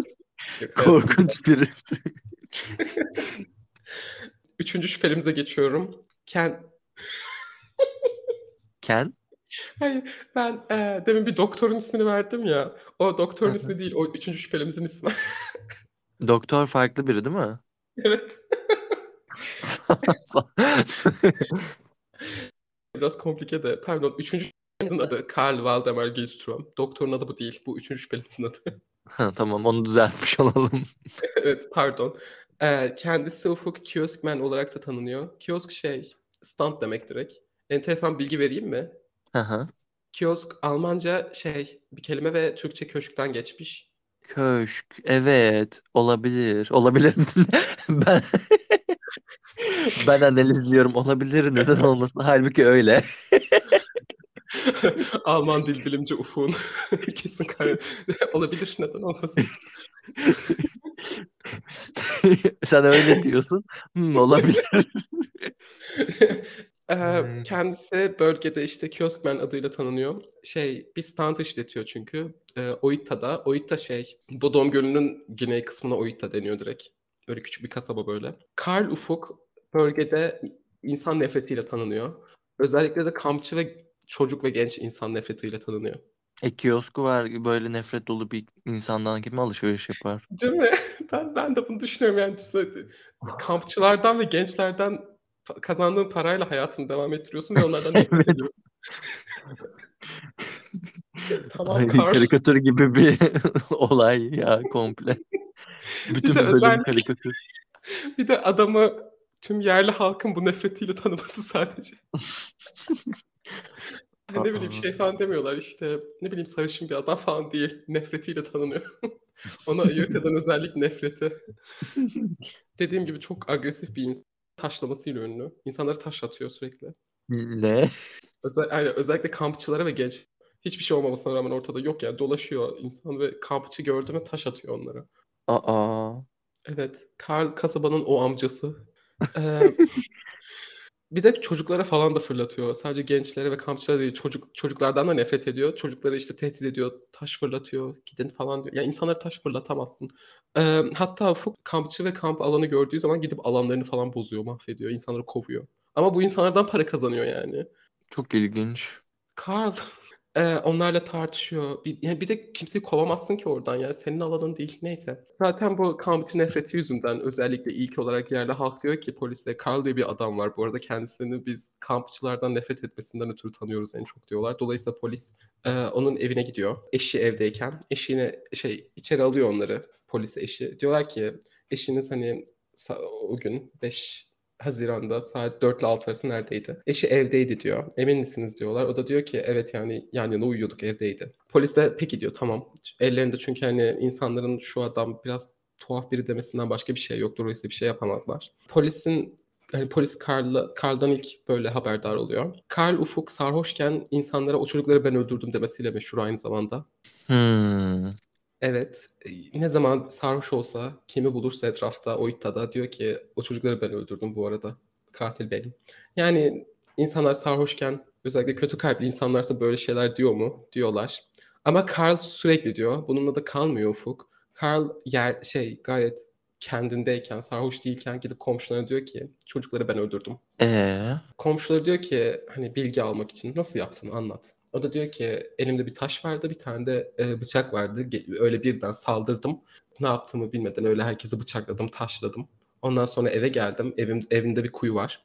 Taşı ve bıçağı kuyuya atmış ve e, kuyuyu betonla kapamış. Böyle anlatıyor insan. kuyuya bakın çabuk. Kuyuya bakamıyorlar çünkü arama izni çıkaracak kadar bir şey yok ellerinde. Çünkü polise itiraf etmiyor. Hani insanlara söylediği için bu insanlar gidip polise söylüyor bize anlattı diye. Ama bu işte şeye giriyor ya hani dedikodu yani bir şey yapamazsın. Carl'ın gidip kendisi polise De demek söylüyor. yapılmaz böyle bir şey yok mu? Aa, hearsay deniyor buna. Hani başkasının böyle kanıtsız şeyiyle, lafıyla bir şey diyemezsin. Aa, Aynen. Hani mesela ben ben komşunun- komşumun kuyusunda bir şey olduğunu şüpheleniyorum desem gidip bakmayacaklar mı o kuyuya? Aa, arama izni olmadan bakamazlar. Aa, Yani tabii düşünsene senle ben düşmanız abi. Ben sadece mesela aramızda arsa sorunu var, tarla sorunu var yani. Ben gidiyorum diyorum ki Ufuk var ya onun kuyusunda ceset var diyorum. Sürekli gelip evini mi arayacaklar böyle şeylere yani? hayır canım sürekli değil en azından o adamla bir konuşulur ya da ne bileyim izin almaya çalışılır falan ne bileyim çat diye girip baksınlar usulsüz yapsınlar demiyorum. Usulüne göre yapsınlar. İşte olmamış. Arama izni için yetersizmiş. Aa. Evet. Ne diyebilirsin? O kuyuya hiç bakılmadı mı şimdi? Hayır ama şey doğru bu arada. Bu belki sebep olabilirdi ama olamazdı galiba. Şey doğru. Gerçekten cinayetlerden iki gün sonra kuyusunu betonla kapamış. Ee, bu belki hani arama izni için ama yetmeye de bilir yani. Ama Bu adam yaptı Burak. A- Adı neydi bunun? Carl. Karlı yaptı. Hmm. Ee, Net nokta. Yerliler özellikle işte Oita'nın yerlileri Carl'ın katil olduğundan emin. Polis dediğim gibi işte evine gidiyor, konuşuyor falan. Bundan sonra bir şey olmuyor. Bu şeyden sonra e, bu e, cinayetlerden 3 gün sonra evine gitmeleri. Yani evine gittiklerinden önceki gün Carl daha kuyusunu kapatmış. Bu işte eşinin hani benimleydi tüm gün hani biz uyuyorduk falan demesinden sonra polis Carl'ı soruşturmayı bırakıyor. Ee, Carl hani dedim ya insanlara böyle söylüyor. Ben işledim onu sarhoşken falan diye o cinayetleri. Bununla hı. birlikte dört tane hani şey dört tane tam olarak ne zaman nasıl itiraf ettiğine dair biliyoruz diyeyim. Ay kuramadım cümleyi. Dört kere nasıl ne zaman kime itiraf ettiğini biliyoruz. Bunlardan ilki bu demin anlattığım komşusuna gidip işte anlatışı. Bir de düşünsene ya bu birden gerçekleşmiş konuşma yokken ortada. Komşu, komşun kapıyı çalıyor açıyorsun ve diyor ki sana ben bir şey anlatacağım. Sonra nasıl cinayet işlediğini anlatıyor. Neyse bu birincisi. İkincisi Ufuk. Carl cinayet günü eşinin söylediği gibi evde falan değilmiş. Polis onunla gelip konuştuktan sonra eşi bunları eşi diyor hani eşi oradayken şey diyor. Yani sonuçta tamam diyor benim kocam hani böyle biraz agresif sinirli biraz çekilmez bir insan ama katil falan değil diye düşünmüş. Dolayısıyla polise yalan söylemiş. Ama polis gittikten sonra akşam Carl eve gelince demiş ki bu ne yani? Carl e, onu dövmüş ve ona demiş ki evet ben işledim. Sevdi öldürürüm polise sorarsan. Aa. Bunu Carl'ın eşi ölüm döşeğindeyken itiraf ediyor. Ondan biliyoruz. Karlı yaptı. Bir başka itirafı Ufuk. Ee, bir dakika o neydi? Ha, bir başka itirafı Ufuk. Ee, Carl intihar etmeye çalışıyor. İntihar notuna yazıyor. Ama e, kurtarılıyor. İntihar notunu da eşi buluyor ve yok ediyor. Dördüncü itirafı da tekrar bir intihar notunda ve bu sefer Carl intihar etme ediyor. 69 yılında Bodom Gölü'nde kendini e, boğarak intihar ediyor. Kendini boğmak. Şey hani ceplerine taş falan dolduruyor. Ve Aa. göle ilerliyor aynen. Ee, bu intihar notu da şey sahile bırakmış hani gölün sahiline. İntihar notunda tekrar e, cinayetlere itiraf ediyor. Ve e, Carl'ın tam olarak ölüm yıl dönümünü bulamadım ama söylediklerine göre cinayetlerin yıl dönümünde intihar etmiş. Bir şey soracağım. Medi Hı. ismini unuttum. Hans. Ha. Hans'ın yaptığına neden bu kadar emin? Nasıl onun ismini unutursun inanmıyorum sana. Pardon. Evet. Hans'ın yaptığına nasıl emin Medi? Yani sonuçta sadece diğer kişinin cinayetinden sorumlu olduğunu söylemiş. Medi hiçbir zaman o dörtlü cinayetten sorumluyum dememiş. Ee, Medi, Medi'nin ilk dikkatini çeken şey detayı. Kiliki'nin de e, şey gibi, Mayla gibi hani belden aşağısı çıplak ama cinsel istismar yok ya. İlk olarak Hı hı. ondan düşünmüş. Ondan sonra şey, bunlar kitaplarında var. Kitaplarını okumadım. Hani orada daha detaylı anlatıyor da, detaylı, daha detaylı anlatıyor da hani demek ki Hans'ı bu cinayetlere bağlayan başka şeyler de buldu. İpuçları. Yani emin Medi onun sur- sorumlu olduğundan. Hans'ın. Hmm. E- Eğer Ben unutursam bu arada Hans'a dair bir detay daha vereceğim sonda ama. Bölüm bittikten sonra eğer o detayı vermezsen bana hatırlat tamam. ben de unutursam ya. Neyse unutmazsam söylerim. Ben Karl'ın yaptığına eminim şu anda Burak. Yani sürekli itiraf etmesi. Çünkü yalan söyleyeceksen bir kere söylersin, iki kere söylersin, beş kere söylersin. Carl sürekli söylüyor. Dört tanesinde ne zaman nasıl itiraf ettiğini biliyoruz. O yüzden Carl bana da en olası gibi geliyor şu an. Az önce Hans yaptığına emindik bu arada. Ee, biz de demek ki Ufuk çok kolay fikri manipüle edebilen, edilebilen insanlarız. Evet açığız buna. Bir de şey de yani eşinin ölüm döşeğindeyken bu arada gerçekten o yaptı beni de tehdit ediyordu demesi de. Çünkü yani ölüm döşeğindeyken de eşin böyle bir yani çok Kral çok ısrar et, ısrarcı yani. İtiraf edip duruyor. O yüzden Ay, Evet gelelim şimdi Nils'e. sen şu an şey misin? Karl mı yaptı diyorsun? Şu ana kadar evet. Nils beni ikna ederse ona geçeceğim. Tamam. Şimdi dördüncü ve son şüphelimize gelelim. Ee, bu şüphelinin adı Ufuk. Hazır mısın? Nils. Hayır. Bu şüphelinin adı... Aklıma isim gelmedi. Yapamadım. Bu şüphelinin adı Nils Wilhelm Gustafsson. Yes. Nils'i hatırlıyorsundur. Nils'i çok iyi hatırlıyorum.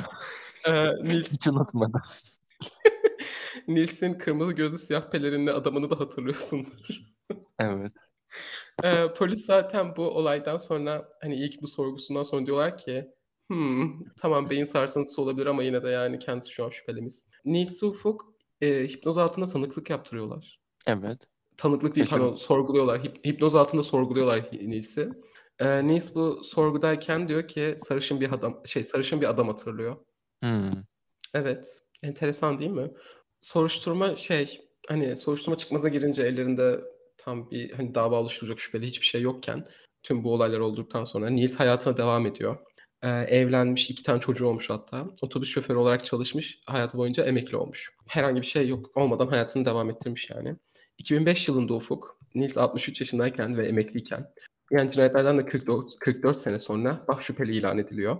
Ee, birden şey diyorlar ki, diyorlar ki o Bodon Gölü cinayetlerini hatırlıyor musunuz? Nils baş şüphelimiz. Gerçekten böyle bir açıklama yapılıyor. Bunu, bu açıklamayı yapan Finlandiya Milli Soruşturma Bürosu.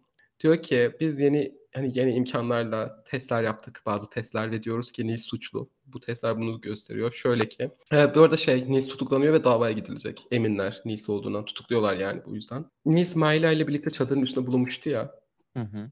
ve ayakları yalındı. Ayakkabıları yoktu. Evet.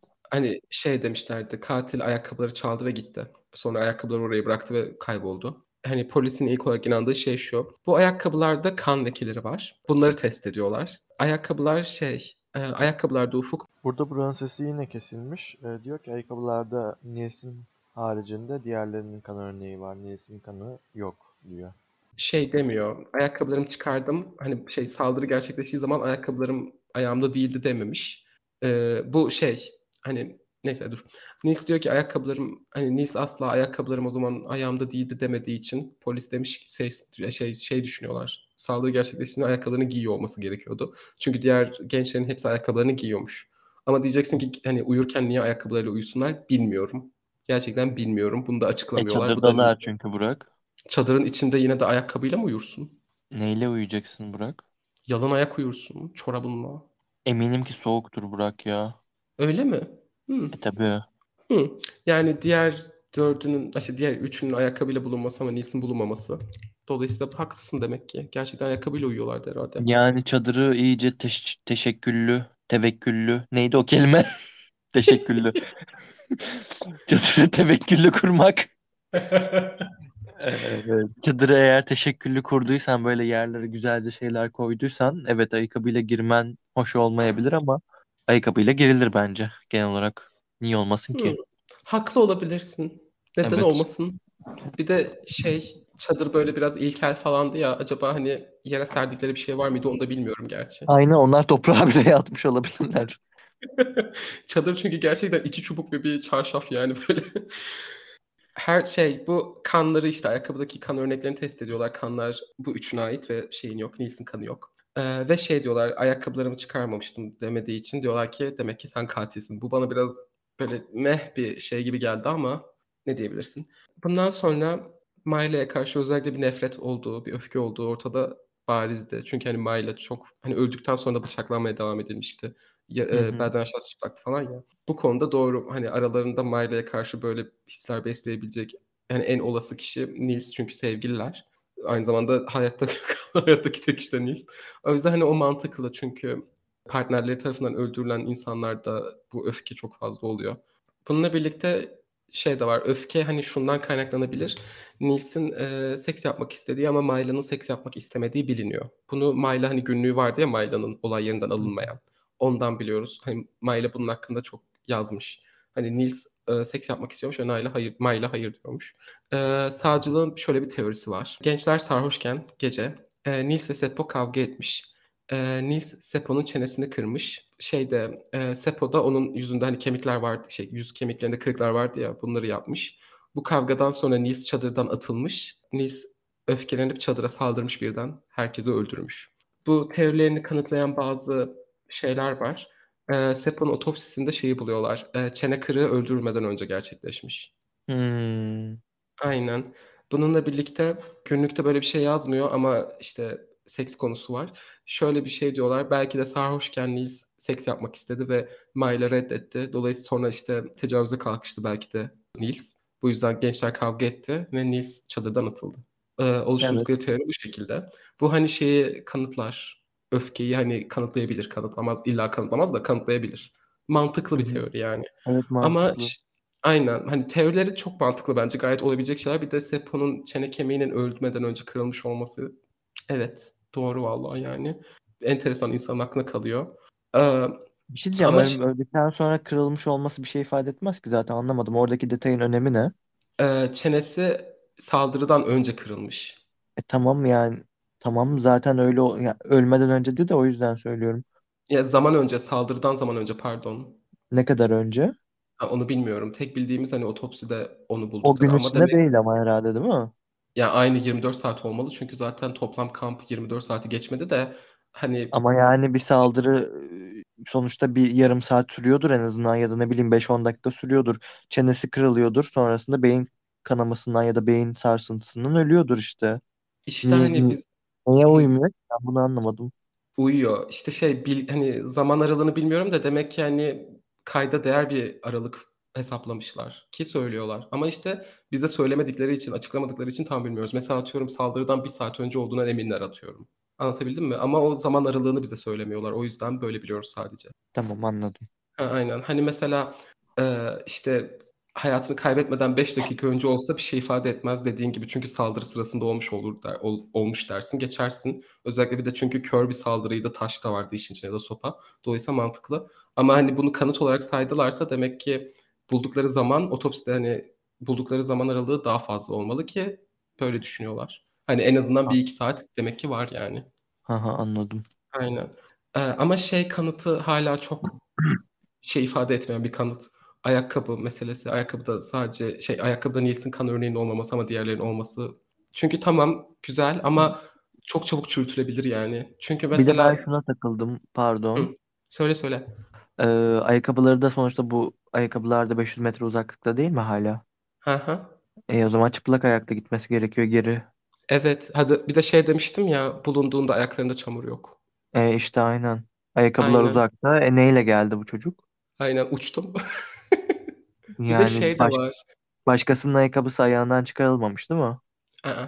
Bir E de şey tamam detayı da yani. çok enteresan. Mesela bu dediğin şey işte hani çadırın üstünde bulunduğu zaman ayaklarında çamur yok temiz. Ama 500 metrelerde şeyler bulunmuştu ya ayakkabılar ve eşyalar. Oradan sonra başka uzağa giden ayak izi yok ama bir de. Evet bu da ilginç. Ama yani o aralıkta başka bir şey mi? Gedi yedek ade- ayakkabısı mı vardı? Ee, işte şey de bulmuyorlar. Hani başka ayak izi de bulmuyorlar. Allah Allah. Aynen.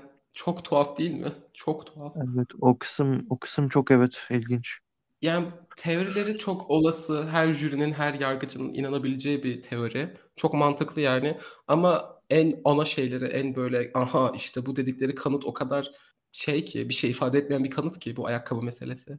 Ve çok kafa karıştırıcı. Ama yani eminler. Neyse olduğuna %100 eminler ama ellerindeki kanıt bu. Bununla ne diyor peki? E, bir de şey de var. E, hani şey diyorlar ya ayakkabı e, saldırı sırasında ayakkabıların ayağında olduğunu söylemedi. Söyleyemeyebilir çünkü beyin sarsıntısı geçirmişti. Ve Aynen. aynen hani bu mahkemede direkt e, Nils'in avukatlarının öne sürebileceği ve sürdüğü bir şey ve kabul edilmek zorunda çünkü evet biliyoruz gerçekten beyin sarsıntısı varmış bunu söylüyorlar yani şeyde e, hastane raporlarında. Dolayısıyla o kadar hani çok amatörce açıkçası direkt söylüyorum yani bence Finlandiya Milli Soruşturma Bürosu muydu? Aynen. İşlerini çok hani kesin %100 eminiz ne diyecek kadar bir kanıt değil bence. Şüphelenecek kanıt mı? Kesinlikle ama böyle %100 kesinlikle o denecek. Bu, bu kadar emin olacak bir kanıt mı bana hayır gibi geldi. 960 kaç yılıydı ya unuttum. O yıllarda hani 60. hipnozda e, tanıklığı alınmış ya ifadesi pardon. E, hı. o süreçte siya- s- na, sarı saçlı birisini hatırlamış. Ondan başka bir şeyden bahsetmemiş mi? Ee, bildiğimiz başka bir şey yok. Ama hipnoz demen iyi oldu. Teşekkür ederim çünkü bir şey hatırladım. Hipnoz bu arada gerçekten başarılı biliyor. Ama hipnozun başarılı olabilmesi için hipnoz edilmeyi istemen gerekiyormuş. Böyle bir şey öğrendim. Eğer katil zanlısıysan neden hipnoz edilmeyi isteyesin ki? E, hipnozun gerçekleşmesi için evet bunu biliyordum da evet doğru diyorsun haklısın. Çünkü hipnoz altındayken bam bam söyleyeceksin her şeyi. Eğer sen işlediysen bu cinayetleri ve yakalanmak istemiyorsan, hipnoz olmak istemiyorum demez misin? Dersin yani. Çok içinden çıkılmayan bir olay Niels konusunda. Niels yani neyse bilmiyorum. Bundan sonra işte şey hani teorileri bu. Çadırdan atıldıktan sonra sinirle döndü cinayetleri işledi. En, özellikle de Maila'ya karşı bir öfke söz konusu. Ee, Peki tutuklanınca ne diyor Nils? Reddediyor tabii ki de hayır diyor. Yok öyle bir şey. Hı hı. Ee, ve hemen avukat tutuyor. İşte avukatım olmadan konuşmayacağım diyor. Nils yani kesinlikle kabul etmiyor. Bu şey hani soruşturma hani ellerinde çok böyle net kesin kanıt olmadığını bildikleri için hani arayıştalar. Bir tekrar her şeye bakıyorlar. insanlarla konuşuyorlar. Belki bir şey bulur çıkar. Hani ilk başta fark edilmeyen diye. Ve bir tanık buluyorlar Ufuk. Ee, bu bir kadın. Adını bilmiyoruz. Diyor ki cinayetler işlendiği zaman ben de yakınlarda kamp yapıyordum. Gece 3 civarında gece 3'te yani cinayet gününün gecesi 3'te Nils ve Seppo sarhoş bir şekilde kamp alanımıza geldi. Ay, kamp alanıma geldi benim. Ben ateş başında otururken. Böyle sarhoşlardı diye gitmelerini istedim ve gittiler diyor. Böyle bir tanık buluyorlar. Bir şey söyleyeceğim. Heh. Bu ikinci soruşturmada bu kadını buluyorlar değil mi tanık olarak? Aha, aynen 2005'te 2005. şu an. Ben sana 45 yıl teorimi bitirdikten sonra ben sana teorimi söyleyeceğim. Tamam. Heyecanlandım. ben biliyorum senin teorini. Sen vampirdesin hala. Vampir olduğuna eminsin. Of ya. Ee, şey bu tanık Ufuk yalan söylüyor. Bunu mahkemede kanıtlıyorlar. Aa, Evet. Kendisi e, bu cinayetlerle ilgili bir belgesel yapma teklifi almış. Para kazanacakmış bundan ve yalan söylediğini de söylüyor mahkemede. Nils'in avukatları bunu ortaya çıkarıyor hemen. Allah seni ne yapmasın. Heyecanlanmıştım. Çünkü bir de bu tanık çok tuhaf. Sadece yani gençlerin o gece sarhoş olduğunu kanıtlayacak. Ama zaten otopside eğer sarhoşlardıysa bu çıkmıştır yani. E, sarhoşsa ne olacak ayrıca bir şey kanıtlamıyor ki. Ya işte şeyi kanıtlayacaklar güya. Teorileri şeydi ya içiyorlarmış böyle bir kavga yaşanmış falan. Yani hiçbir şey kanıtlamıyor yine de bence ya. Çok Evet. çok tutanaksız bir şey. Tuhaf yani. Çünkü zaten alkol aldılarsa gözük biyo- şey otopsilerinde bulunmuş olması gerekiyor. Otopsi hiç mi yapılmadı yoksa bize mi yalan söylüyorsunuz otopsi yapıldı diye. Tuhaf. Bir, bir, bir film, Finlandiya'nın gelişmemiş olduğu bir konu bulduk galiba Ufuk. Dolayısıyla bu kadın atılıyor yani mahkemeden. Şimdi bir dakika nerede kaldım? O kadar garip kelimeler seçiyoruz ki konuşmayı bilmiyoruz ikimiz de. Ben az önce tutanaksız dedim. Sen mahkemede atıldı dedin. Habale hubele konuşuyoruz gerçekten iki mağara adam olarak karşılıklı. Şimdi e, bir de savunma şey de diyor. Yani herkes bu kadar ciddi yaralanmalar geçirmiş. Nils neden bu kadar hafif atlatmış? Bilmiyoruz ne diyebiliriz diyorlar ve üstüne de çok gidilmiyor yani. Gerçekten ne diyebilirsin ki bunun için? Bıçaklanmamış mı canım? Neste bıçaklanmıştı. Şeydi ya alnından ama böyle çok derin değildi falan ya hani kafatasını çatlatmamış mesela. Ama beyin sarsıntısı yine de var. Bir de yüz kemiği kırıklıkları, kırıkları var. Elmacık kemikleri falan kırılmış yani. De savcılık şey de diyor işte hani böyle 500 metre ileriye tanınan eşyaların bırakılması, motorların alınmaması falan yani çok amatörce kafa karıştırma taktikleri diyorlar. Doğru. Be- Belli ki kafa karıştırma taktikleri ama yani bu taktikleri de illa Nils'in yaptığına dair çok kesin kanıt yok. Sorun bu zaten. Hani çok böyle varsayımlardan ilerleyeceksek harika kanıtladınız diyebiliriz bile şu an. Ama yani varsayımla da insanı ömür boyu hapse atamazsın. Evet. Ben bunu Burak anlamıyorum. bitir de ben yorumlarıma geçmek istiyorum. Hadi. Tamam bir dakika. Böyle mahkeme aşağı yukarı böyle geçiyor. Ee, ama güvenilir bir tanık buluyor savcılık bir tane. Bu bir kadın, kadın adını bilmiyoruz. Söylediğine göre Nice'le cinayetlerden 10 yıl sonra bir barda tanışmış işte böyle hani bir tanışmışlar, konuşmuşlar falan. Nice cinayetlerden bahsetmiş ve demiş ki ben işledim. Yanıma da kaldı. Bununla övünmüş. Bu, ve bu kadının güvenilirliği e, kanıtlanıyor mahkemede. Her nasılsa bilmiyorum ama kanıtlanıyor. Nice suçlu bulunup e, ömür boyu hapse mahkum ediliyor. Yani suçlu buluyorlar. Ama bir yıl sonra 7 Ekim 2005'te ilk temizi yetersiz kanıt gerekçesiyle kabul ediliyor. Ve şey suçlamaları da alıyorlar üstünden.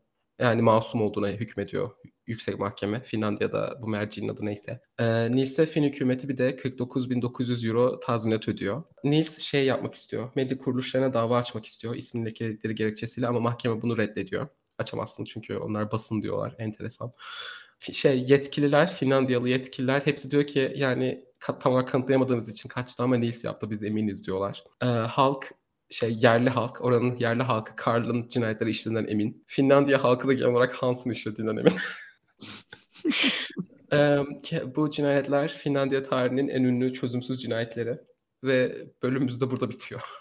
Şimdi ben başlıyorum. Burak'cığım şimdi Nis yapmış olsa ayakkabılarını orada bırakıyor. Ondan sonra çıplak ayakla gelip çadıra geliyor. Böyle bir şey yok yani. Böyle bir şey olamaz. Birisi yapmış sonra ayakkabılarını almış kafa karıştırmak için gitmiş 500 metreye serpiştirmiş.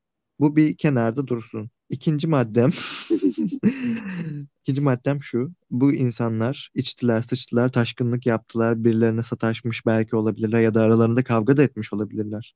Ee, gürültü yaptılar, bilmem ne yaptılar. Büyük ihtimalle Karl'ı rahatsız ettiler bu insanlar. Evet. Gürültü yapınca rahatsız oldu Karl. Belki oralardaydı o sırada. Ne bileyim. Hmm. Yürüyordu ya da ne bileyim balık tutuyordu ya da uyduruyorum bir şeyler yapıyordu belki. Karl'ı rahatsız etti ve Karl'ın gözü döndü. Benim teorim bu. Mantıklı. Valla Karl'ın gözünün dönmesi için çok bir şey olmasına da gerek yok belli ki. Kampçı olmaları yeterli galiba. Aynen zaten kampçı olmaları yeterliyken bir de ne bileyim alkollü olup kendi aralarında gürültü yapmaları bile rahatsız etmiş olabilir. Yani açıkçası ben Karl'dan en çok emin gibiyim galiba. Bence Karl. Neysin olduğuna çok emindim başta. Belki odur. Ama yani bir şey bulamıyorum Nils'i suçlamak için de. Yani otoriteler neyse olduğundan yüzde yüz eminler. Öyle söylüyorlar. Bu konuşan kişi ne demiş acaba tam olarak ya? İşte elimde bazı Fince şeyler var, belgeler var ama onları çevirecek birine ihtiyacım var. Google çeviremiyor. Yani itiraf etti diyor.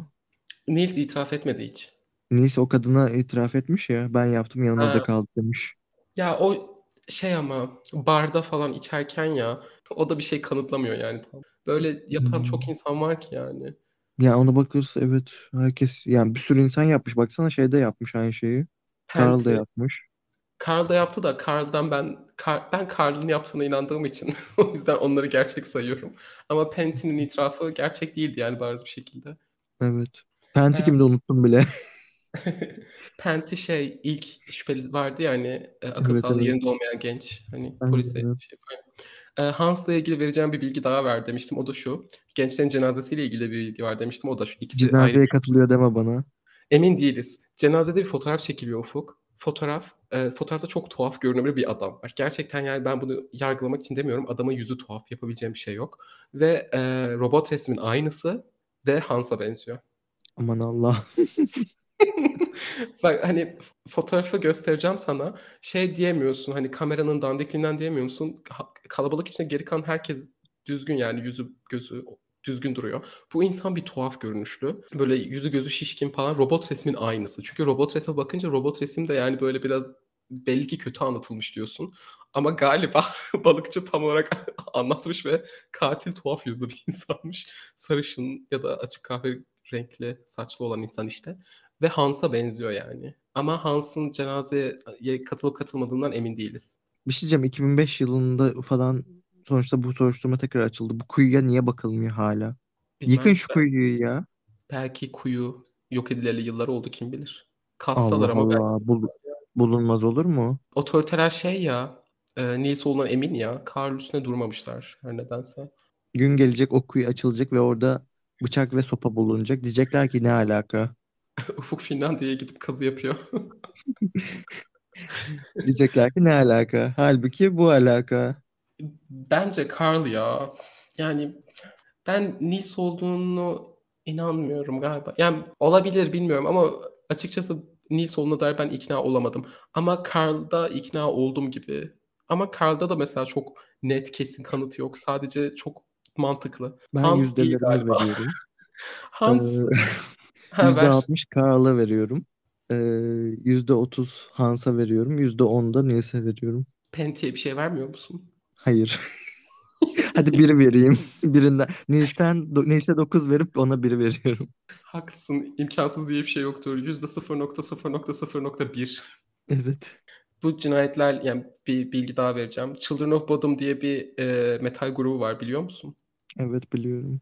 E, isimlerini bundan alıyorlar. Children of Bodom derken bu çocuklar Aa, aynen kendileri de Espolu bir grup E, ve bu şey çünkü çok böyle hani hem bütün Finlandiya'da hem de özellikle Espolu çok bilinen bir dava olduğu için böyle biraz artık hani şehrin şeyine girmiş. hiç aklıma gelmedi evet. O yüzden şey demiştim. Duymadın mı gerçekten Bodom desem böyle hatırlarsın diye. Çünkü şey ben Hı hı. Badım sanıyordum. Çünkü hep Children Bodom diyoruz ya. Evet. Aynen Bodom'muş. Hatta Bodom gibi bir şeymiş.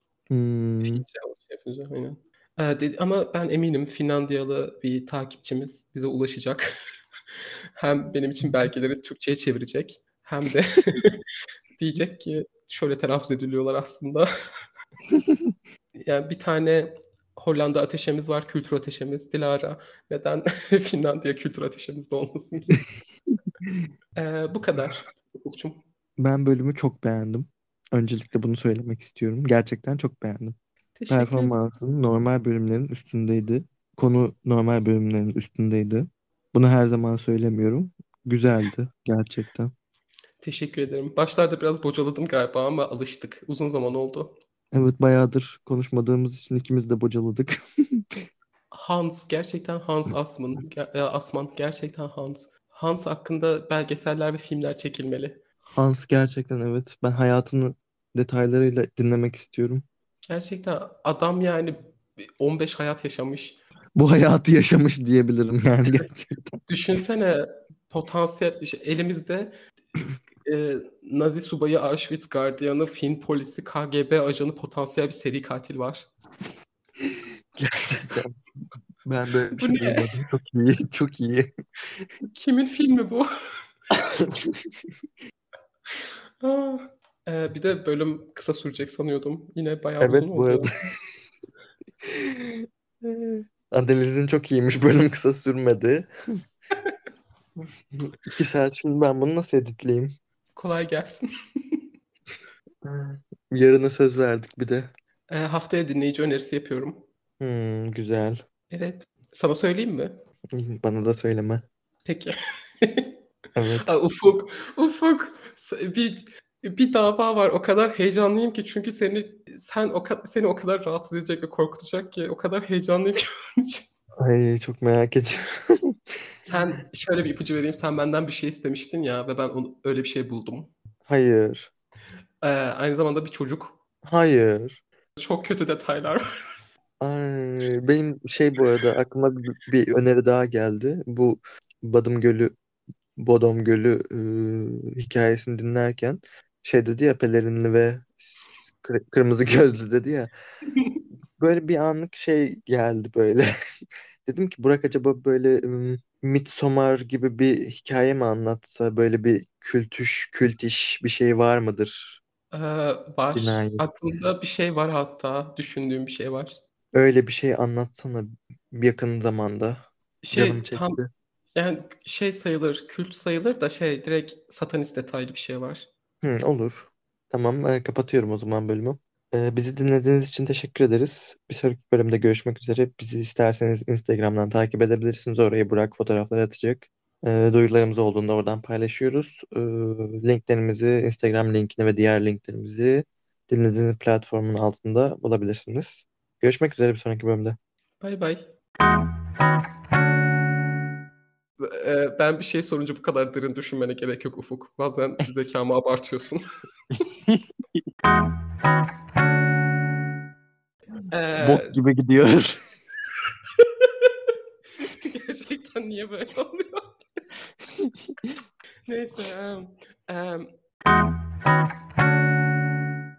bunu kesme lütfen. Ge- Gerçek yüzünü herkes görsün istiyorum Ufuk. Sus sus sus yaşanmadı bu.